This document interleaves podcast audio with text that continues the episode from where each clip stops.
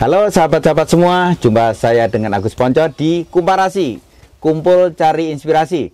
Dan siang ini bersama kita sudah hadir Bapak Mehmet Ahmad. Ahmad Bakri. Bapak Haji Mehmet ini asli sini ya. Ini yang istimewa kita di Saung milik Pak Haji Mehmet. Selamat siang Pak Mehmet. Siang, bagus. Ya, apa kabar Pak Mehmet? Alhamdulillah, sehat bagus. Pak, saya terkesan banget dengan suasana di sini. Ternyata hanya punya Pak Haji yang berani tanam ini. ya karena gini Pak Gus, ini resikonya sangat besar ketika kita mencoba menanam di luar musim.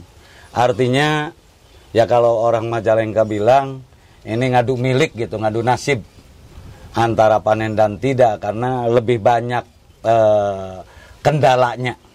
Jadi kendala yang pertama itu mungkin di air Pak Gus. Terus yang kedua itu hama yang sulit dihilangkan, uh, yaitu serangan burung, burung yang kecil itu burung pipit dengan dari bawahnya dengan tikus. Nah, ini yang jadi persoalan makanya para petani di sini ya pada kurang berani lah. Apalagi ya punten-punten gitu kalau yang uh, modalnya pas-pasan gitu. Jadi ini ini pertaruhan ini. Ya pertaruhan. Kenapa ini dipertaruhkan? Karena sekarang kan eh, ada ada Yomari. Kita sekalian dem anggaplah demplot Yomari gitu. Oh, Itu bagus. karena ada pertaruhan. Tapi ngomong-ngomong saya itu terkesan banget nih, Pak Haji ini punya pengalaman masa lalu yang cukup apa ya kalau bisa dibukukan cukup panjang ini. Boleh saya tahu cerita dikit dulu lahirnya di mana apa asli sini, terus waktu besarnya seperti apa? Boleh ceritain dikit hal yang menarik. Mungkin yang kita-kita ini yang masih muda, saya masih muda loh, Pak. Bisa Saya belajar. alhamdulillah Pak Gus, usia sekarang 57. Ah. Jadi dari kecil saya dididik prihatin oleh orang tua karena dari sembilan bersaudara saya anak paling gede. Terus saya harus bisa menghidupi eh, adik yang delapan, sepuluh dengan ibu bapak, sebelas dengan saya. Itu usianya apa? Dari usia lima tahun, saya sudah berjualan es mambo jalan kaki sejauh 3 km satu balik jadi PP 6 kilo berangkat dini hari setengah tiga Eh, ajan subuh saya sudah nyampe ke rumah ketika orang tua keluar rumah eh, mau sholat subuh di pintu masuk itu sudah ada dua termos es mambo waktu itu Bapak kerjanya apa, Pak? Bapak orang tua ini. Orang tua hanya buruh serabutan, Pak Gus. Tapi walaupun buruh serabutan, orang tua saya mendidik anak-anaknya semuanya dengan cara keras. Kalau keras dibilang da, di zaman sekarang gitu. Karena apa? Karena didikannya sangat eh, kuat, terutama ya sangat idealis lah. Itu didikan orang tua. Jadi saya dari mulai usia lima tahun sudah jualan es mambo sampai keluar SD tahun 80-an. Nah, semenjak itu saya langsung eh, jualan pin eh, naik naik peringkat. jadi jualannya di terminal. Jadi asongan. Asongan. Jadi asongan saya. Apa itu yang dijual, Pak? Di waktu di asongan saya jualannya itu eh, dari mulai zaman muncul itu teh botol sosro waktu itu. Teh botol sosro, teh kotak gitu, susu ultra, buah pita yang gituan. itu di- dimasukin ke ini ke apa? eh, kalau orang sini bilang rincing ya. Eh, pakai plastik terus dikasih es gitu. Terus kita ditenteng. Ah. Tentengan itu yang dari plastik teh, rincing yang gede. Kita ngejar-ngejar mobil gitu. Bis. Itu SMP. Ya, itu jualan saya hampir eh, enam tahunan. Uh, sampai SMA ini Nah, dong. Jadi enam tahun jualan, setelah jualan naik lagi jadi calo. Tapi sebentar dulu suka su- suka dukanya jualan di ya, terminal ini suka apa ini? dukanya kadang kita kan kalau apa kalau saya kebetulan waktu itu jualan itu kan gini Pak Gus eh, berangkatnya sore habis asar baru berangkat jadi bagian malam Oh. bagian malam jualan asongannya bagian malam jadi pulangnya nanti jam 12 jam 1 karena dulu bis itu kan banyak bis bumel gitu ya Mm-mm. masih bebas gitu ya suka dukanya ketika eh, ada teman yang musibah jatuh dari bis kita dengan ya bukan terpaksa karena menganggap kewajiban dan itu rekan kita yang musibah atau yang celaka ya kita urus bukan jualan Oh. Alhamdulillah gitu. Jadi dari kecil Ini saya sudah bikin jadi fisiknya kuat ini salah satu ya, Pak ya? Ya, jadi sudah terbiasa dengan goncangan dan timpaan apa pun gitu, Pak Gus. Terus naik kelas berikutnya gimana? Habis asangan. Nah, habis asongan saya pindah lagi ke itu. Jadi apa kalau orang sekarang bilang itu calo ya? Nyuruh-nyuruh masuk kepada penumpang, kitanya nggak nggak masuk nggak berangkat. gitu. Oh, ca- calo bis ya? Iya, calo bis terus calo itu eh, angkutan Eh. eh, umum yang kecil itu, angkot-angkot gitu. angkot-angkot itu, eh. Saya ngelola waktu itu ngelola 105 armada gitu, Oh. angkot-angkot itu. Ya alhamdulillah Itu gitu. dianggap naik kelas, Pak ya udah. itu dianggap naik kelas. itu dianggap naik kelas gitu. ya itu. Terus? eh, mungkin ya kadang waktu itu saya istilahnya sudah sudah apa sudah punya anak waktu itu mah waktu jadi calok mah gitu sudah rumah tangga jadi eh, ketika saya sudah punya anak satu saya pindah usaha jadi usaha saya waktu itu bikin eh, buka-buka usaha tempe di pegunungan yang sekarang di sudah jadi itu apa bendungan jati gede bagus Ya, ya, ya, Nah, ya, di situ, ya. Jadi sekarang kenangan saya di situ tahun 91 92 sudah kerendam sekarang. Udah jadi bendungan ya? Mm, mm, mm, sudah Dulu kerendam. buat tempe. Ya, buat tempe di situ terus kita kita keliling ngider gitu. Yang Sementara buat juga, ngider juga. Mm. Jadi bahasanya gini, saya sederhana dalam benak saya waktu itu, oh itu daerah dianggap daerah terisolir pada waktu itu. Artinya ke pasar itu jauh harus ke sana ke Wadok ya. Mm. Nah, Wadok Sumedang yang arah Garut. Jadi eh, dalam benak saya kalau di kita buka usaha di daerah sekitar itu kayaknya ini kan jauh ke pasar gitu akan akan laku. Ternyata apa yang terjadi setelah saya jalan di situ dan saya membuat produk berdua dengan temen, ternyata di situ tidak ada peminat, malah satu dua yang minat itu ditukar dengan beras, bagus. Bukan beli ya? Bukan beli, ditukar dengan beras karena di situ daerah pegunungan tidak ada uang ternyata. Oh. Jadi salah, prediksi saya salah pada waktu itu. Nah, sisanya walaupun kita nyetak sedikit, sisanya kita ider, dipikul. Nah, terus karena di daerah situ daerah pegunungan dari kampung satu ke kampung lainnya itu eh, butuh jalan kaki eh, golongan 3 sampai 4 kilo, jadi kita di- dipikul. Eh, pakai pikulan. Nah, pakai nampan di atas bronjong supaya eh, kegoyang-goyang nggak bertumpuk gitu ya, Nah, nggak lecet-lecet gitu tempenya. Pada waktu itu itu tahun ya sampai 93.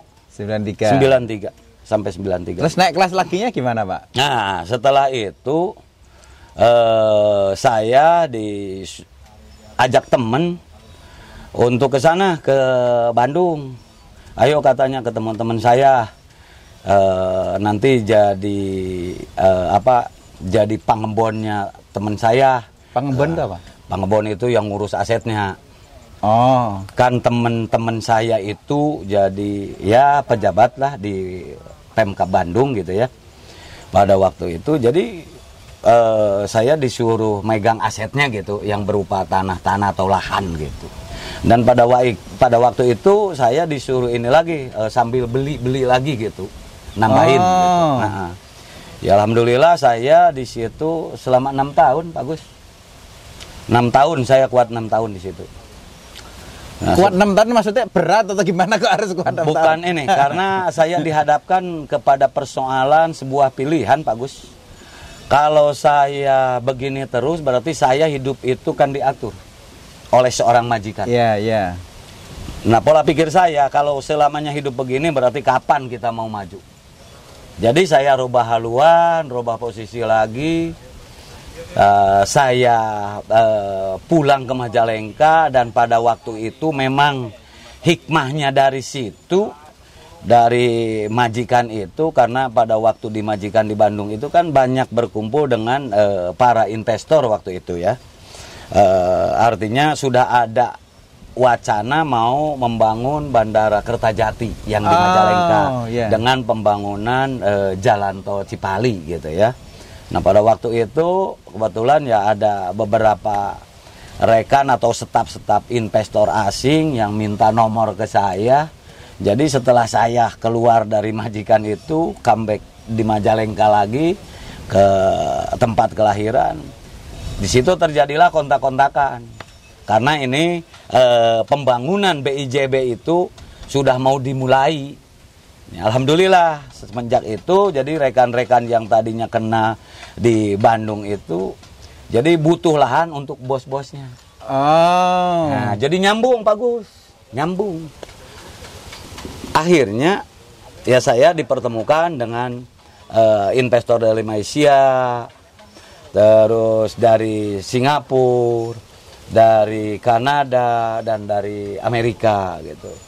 Di situ terjadilah beberapa tahun saya dikasih amanah untuk membebaskan lahan-lahan dari investor-investor itu. Ya di situlah awal kehidupan saya mulai dari 2012 bagus. Sudah 2012. menggeliat alhamdulillah. Udah mulai berubah ya? Nah, udah berubah. Berubah drastis alhamdulillah. Jadi Allah sudah menurunkan ridhonya ke saya, mungkin hasil perjuangan dan jerih payah saya juga. Nah, inilah hasilnya seperti ini. Dan di akhir eh, sejarah sampai Umur sekarang berapa waktu itu? 2012 berarti sudah lim, 4, hampir 50 ya? belum 40-an. 40-an baru mulai ah. ki- hidup beneran Eh, ya ya. Lima tahun 2002 2012. 2012 itu kan 40-an lah, 40 lebih, 40-an belum ya? 50 ya. Ya, 40 lebih. 40-an. Nah, saya dengar-dengar kemarin cerita itu sedikit-dikit coba ini nyambung ya. Ya. Tiba-tiba itu kan tetangga-tetangga pasti heran nih, perubahan hidupnya kayak gitu. Apa respon tetangga-tetangga ini, Pak? Jadi ya kalau saya kan orangnya tidak pernah memperlihatkan dan tidak bisa seperti orang lain pada umumnya. Ya punten-punten bagus karena saya sudah punya tabungan 4 miliar aja belum beli mobil. Udah punya tabungan 4 miliar, Hmm, belum, beli mobil. Malah dibeliin tanah. Dan Di sekarang tanah masih ya? ada. Ah, sekarang masih ada tanahnya gitu. memang nggak kepengen Pak orang-orang beli mobil gitu. Nah, saya beli mobil di tahun 2014-an. 2000, Dua tahun iya. kemudian baru Nah, beli nah, mobil ya. Setelah punya eh, apa eh, simpanan atau aset gitu untuk eh, penunjang jangka panjang gitu. Karena saya jauh eh, lebih berpikir, lebih memikirkan eh, keturunan atau kelanggekan regenerasi. Emang anaknya keluarga. berapa sih Pak? Ya anak sih nggak banyak tapi anak dua, cucu, mantu satu, Oh sudah cucu, cucu, cucu tiga. Udah cucu tiga Ah. ini. Nah, jadi itu mungkin ya kalau saya kan mengingat gini Pak Gus. Di zaman saya masih kecil nggak tahu karena zamannya masih pada sengsara pada waktu itu nggak tahu gimana. Tapi yang jelas saya merasa prihatin. Artinya jangan sampai ini Terulang. terulang ke anak cucu saya. Oh. Makanya saya bekerja keras di usia sampai sekarang ini ya karena saya mengingat keturunan saya. Jangan sampai anak cucu saya ada kekurangan lah bahasa Jadi tetap sekarang masih mau kerja keras ini Pak? Insya Allah Ah. saya siap. Buktinya saya nggak pernah Buktinya mengalah di hari gitu. Masih enggak enggak. Ya. Nah, kemarin cerita dikit itu. Kenapa sampai tetangga itu ya enggak bukan tetangga lah, ada orang nggak suka sampai istrinya jadi sakit yang nggak wajar dan sebagainya. Boleh cerita dikit tentang itu, Pak? Ya mungkin eh, ada salah satu tetangga mungkin yang kurang senang dengan melihat kesuksesan saya dan pada waktu itu karena sudah tidak bisa dibendung lagi karena kebutuhan saya dengan ya terpaksa saya membeli beberapa unit kendaraan sekaligus gitu. Malah Sekaligus membeli Oh, empat ya itu? ya. Jadi kaget. Kaget. ya? Sementara kan nggak nggak ada yang tahu usaha saya seperti apa, Pak Gus. Orang nggak tahu. Sampai sekarang Sum- juga nggak ada yang tahu. Sumbernya apa? Ya. Hmm. Tahu-tahu beli mobil empat. Nah, itu kan babi ngepet itu. Padahal saya tanaman sudah hektaran di sekitar bandara di Kertajati. Ah, iya iya iya. Mungkin kan kalau orang lain bisa bisa sebaliknya.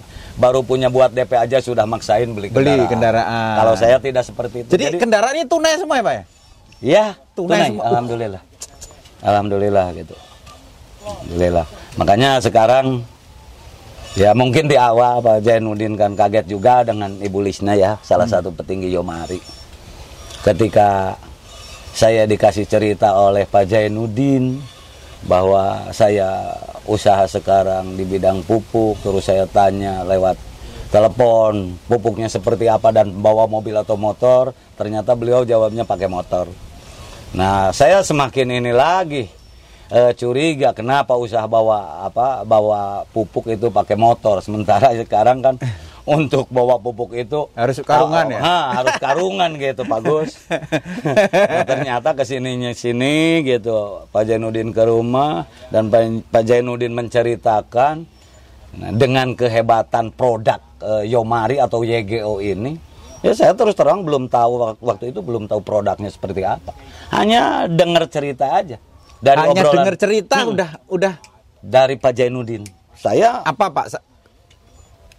Sa- alasannya apa? Cuman cerita barangnya belum lihat. saya kan semenjak ya puluhan tahun yang lalu dengan Pak Jainuddin kenal itu ya Pak Jainuddin bagi saya segalanya walaupun belum bukan satu keturunan gitu malah beda provinsi gitu kalau mengenai kelahiran gitu ya Beda Be- ini juga malah, Oh, beda ketu, apa namanya? Nah, suku juga beda ini. ya, beda suku, beda beda wilayah gitu ya.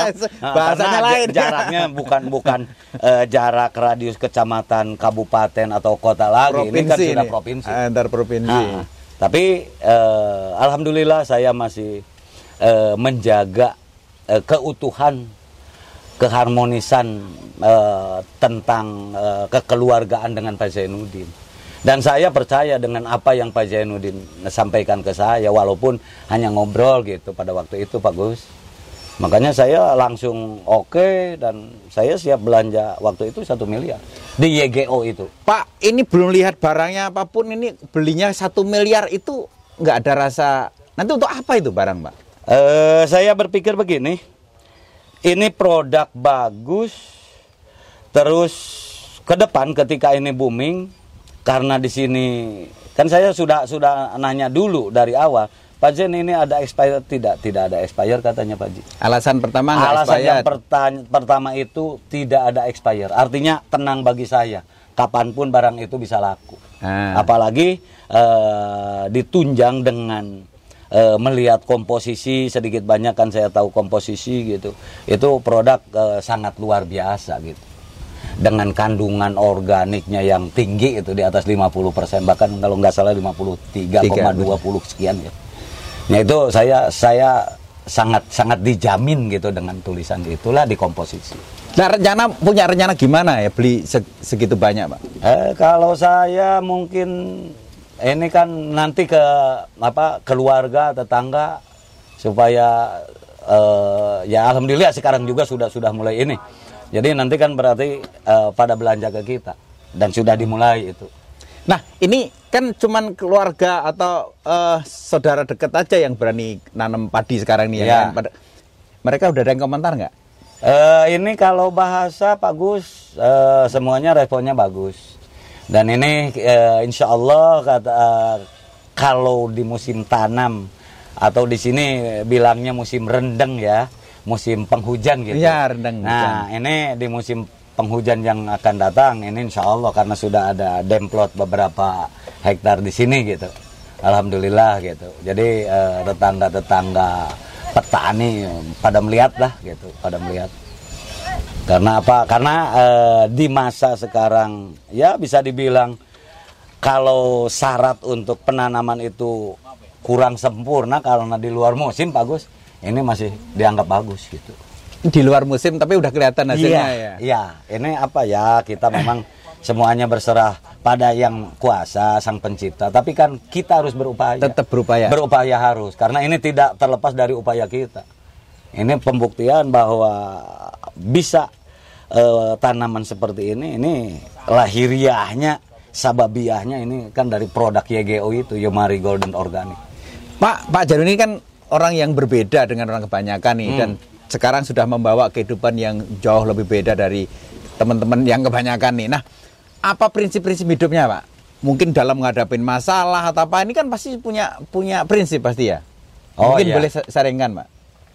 Kalau Pak Zainuddin itu orangnya memang pendiam karena selama puluhan tahun atau belasan tahun dengan saya eh, ini apa kenal itu saya Pak Gus jauh lebih dekat ketimbang dengan saudara-saudara saya. Hmm. Dan saya sangat merasakan itu dan saya saling terbuka dengan Pak Zainuddin.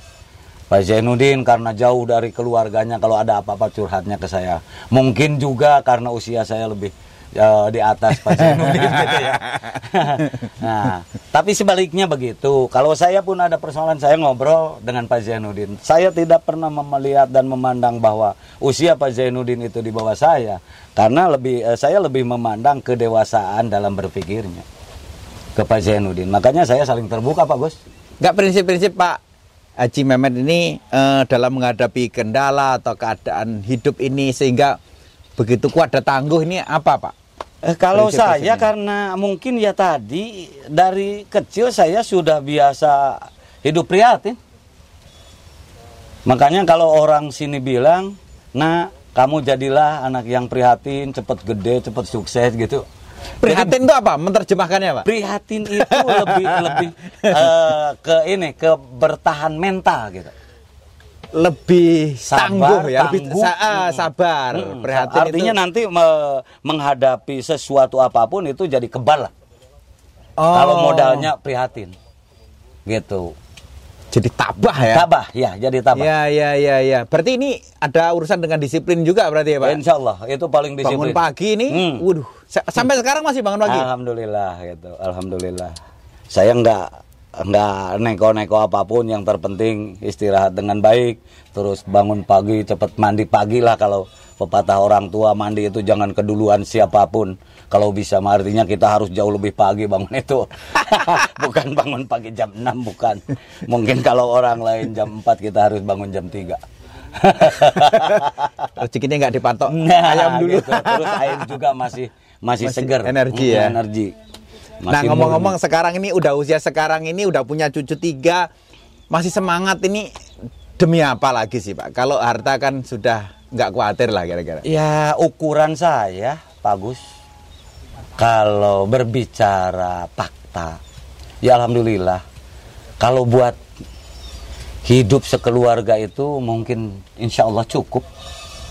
Tapi kan agama yang mengatakan kalau di Islam itu eh, bergiat-giatlah cari uang atau bekerja seolah-olah hidup kita masih 100 atau 1000 tahun mendatang. Tapi sebaliknya anda jangan lupa atau tinggal beribadah kepada aku kata Allah. Hmm. Kalau kamu mengakui seorang muslim Hmm. seolah-olah kamu besok mati. Nah itu filosofi hidupnya. Jadi Iya, ada iya. ada apa peribahasa itu yang dipegang lah.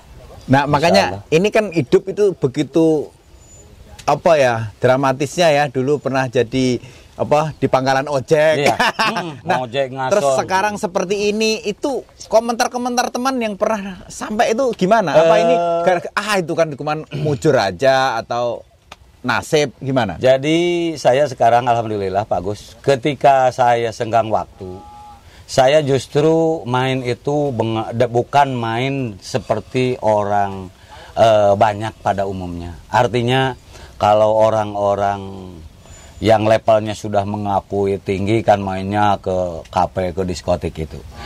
Kalau saya sebaliknya, jadi saya mainnya justru saya ke tempat-tempat yang dulu pernah saya singgahi. Jadi ke Eh. pangkalan Asongan, Eh. ke pangkalan ojek. Malah saya eh, mungkin sebulan sekali paling telatnya saya ke pangkalan itu caloan.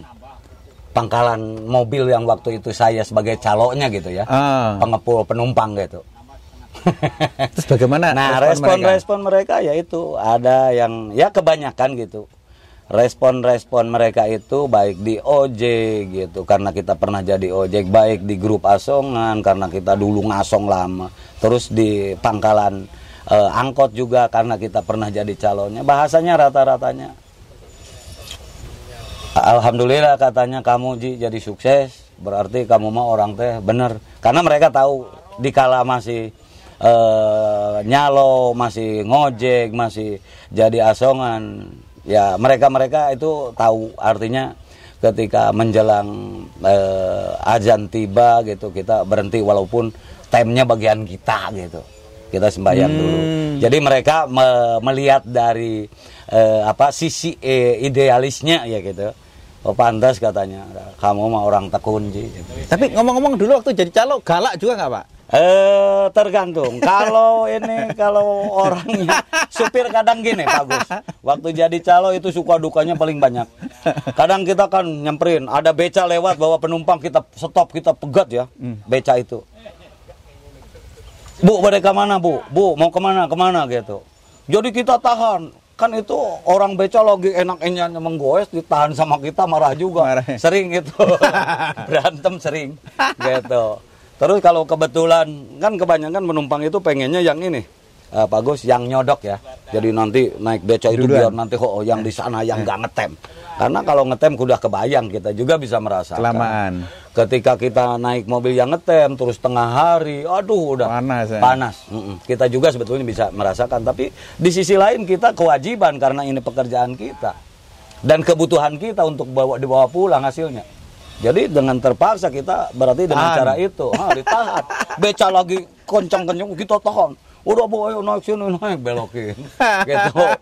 Nah di situ kita mikul bawa pikulannya, bawa belanjaan ditaik-taikin. Ah. Ketika waktu itu saya kalau satu angkot penuh itu saya dikasih 2000 rupiah, bagus.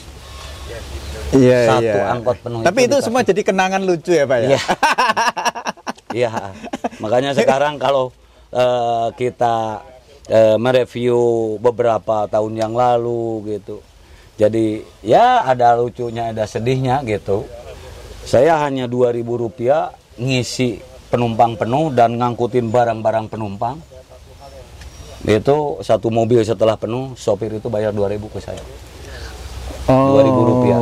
Nah, sekarang kalau misalnya ini ada kesempatan orang yang nggak sempat ketemu dan sebagainya kasih pesan ke mereka untuk ya ini istilahnya sudah ketemu jalan lah ya, udah ketemu jalan yang yang lurus, yang bener, yang nyaman. Itu ada pesan apa, Eh, Pak Haji Ahmed? tidak jarang rekan-rekan saya Pak Gus kalau saya silaturahmi ke tempat-tempat dulu gitu ya ke masa kenangan dulu. Jadi tetap karena saya sekarang sudah di Yomari jadi saya membicarakan tentang Yomari Pak Gus nggak munafik Ngasih kesempatan mereka Ya, juga ya. ngajak ketimbang kita ngasong terus sampai sekarang masih ada yang ngasong Hmm. teman seangkatan saya Seangkatan. seangkatan Umur saya. segini? Iya, masih ada yang ngasong mungkin ada 5 6 orang. Pokoknya di bawah 10 karena sudah banyak juga yang meninggal gitu. Karena dunia di jalan kan hidup penuh dengan minuman lah. Hmm. Artinya tidak tidak mau menjaga kesehatannya. Malah lebih penting minumannya yaitu akhirnya bahasa orang Majalengka kebakar gitu. Oh. Itu sekarang saya kalau ketemu eh, rekan-rekan sejawat dulu gitu, ya sekarang diajak, diajak, mari kita gabung ke Yomari karena inilah satu-satunya masa depan kita karena di sini tidak ada pensiun, gitu. Dan saya ngajak Yomari ini bukan hanya ke rekan-rekan eh, sejawat dulu, zaman ngasong, zaman calo, zaman ojek. Malah saya ke rekan yang di kepolisian di mana saya ajak. Nah, respon mereka gimana, Pak? Ini. malah sudah ada tiga empat orang anggota kepolisian mungkin yang sudah eh, siap itu dari eh, ini juga militer nah insya Allah dalam waktu dekat akan gabung. Itu sudah ini sudah silaturahmi ke rumah. Sudah matang. Jadi mereka karena melihat juga oh Iya, ini iya. Dan saya bicara apa adanya. Jadi saya bilang gini Pak Gus. Saya sebetulnya kalau dibilang umum orang eh, daerah mah orang kampung ya sudah cukup lah. Tapi saya butuh sehat dan butuh banyak saudara. Bilang gitu. ya. ternyata Ya. di balik butuh saudara atau butuh silaturahmi itu malah keuntungan jauh lebih besar Malah nambah. ya saya saya kayak Bahagia juga infokan. lain ya, Hah. lebih lebih Nah, lebih happy Saya ya, Pak, ya. Hmm. Artinya malah ini semakin tua jadi kita semakin nyaman, Hmm. tenang. Hmm. Saya sampaikan itu Pak Gus. Saya sampaikan itu. Luar biasa ya. Jadi kebahagiaan itu ternyata bukan sekedar duit ya, Pak ya. bukan, Nggak bukan. bisa. Kebahagiaan itu adalah kalau bagi saya kebahagiaan yang hakiki itu kita sehat sama keluarga, terus kita banyak saudara dan baik sama keluarga. Pak ngomong-ngomong dulu waktu jadi asongan atau mungkin waktu jadi calo, kebahagiaan gimana? Soal kebahagiaan ini tetap bahagia juga bisa kan? Eh, waktu Gimana? itu kan An- gini. Rasa hati Waktu itu Pak Gus eh, karena kita mungkin eh, di apa di faktor usia yang eh, belum matang lah kalau dibilang matang atau belum dewasa penuh. Jadi kebahagiaan itu pada waktu itu tiada lain hanya satu ketika kita pulang bawa uang buat resiko di rumah. Oh, Pada jadi waktu dulu itu. itu bahagia adalah kalau bisa pulang bawa uang. Bawa uang untuk resiko di rumah. Nah, sekarang definisi atau kesimpulan bahagia kalau sekarang itu seperti apa? Kalau bahagia sekarang pribadi saya, jadi bahagianya saya itu banyak saudara, banyak rekan, terus semuanya kita pada akur dan pada sehat. Itu bahagia sekarang. Akur, sehat, banyak teman, Hmm. banyak saudara. Karena apa? Karena banyak teman banyak saudara nggak akur, nggak nyaman, Pak Gus. Nggak nyaman. gitu ya? Kita sempit. Ini boleh ditanya ke Pak Eh, Zainuddin. eh. Belasan tahun bareng belum pernah ada gesekan sekalipun. oh gitu ya. Kuncinya apa, Pak? Ya, kuncinya. nah, kuncinya apa supaya nggak kok bisa ya kan nggak mungkin nggak ada masalah kan Ya. nggak mungkin nggak entah salah kata atau salah apa nah gimana Pak Jadi kalau saya kuncinya ya kita saling saling mengalah dan saling merasakan. Saling Artinya ke- ketika itu terjadi kita merasa salah ya, kita ya cepat ngomong, oh cepat ngomong. Pak, kejadian kemarin maafin ya, barangkali ada salah kata atau kurang sopan di hati. Bapak kurang berkenan. Gitu. Begitu pun sebaliknya. Makanya ya bagus. Harmonis. jadi bukan nggak ada masalah tapi Eh, tetap kalau dibilang masalah sih sebetulnya alhamdulillah bagus Eh. belum belum ada masalah kayak orang lain ya paling juga umpamanya kita ada kesel gitu kecil-kecil gitu. Tapi kita cepat walaupun kecil kita perbaiki gitu. Oke oke, makanya oke. alhamdulillah sama Pak Jainuddin nggak bisa dipisahin. Kayak kapan pun walaupun beda provinsi.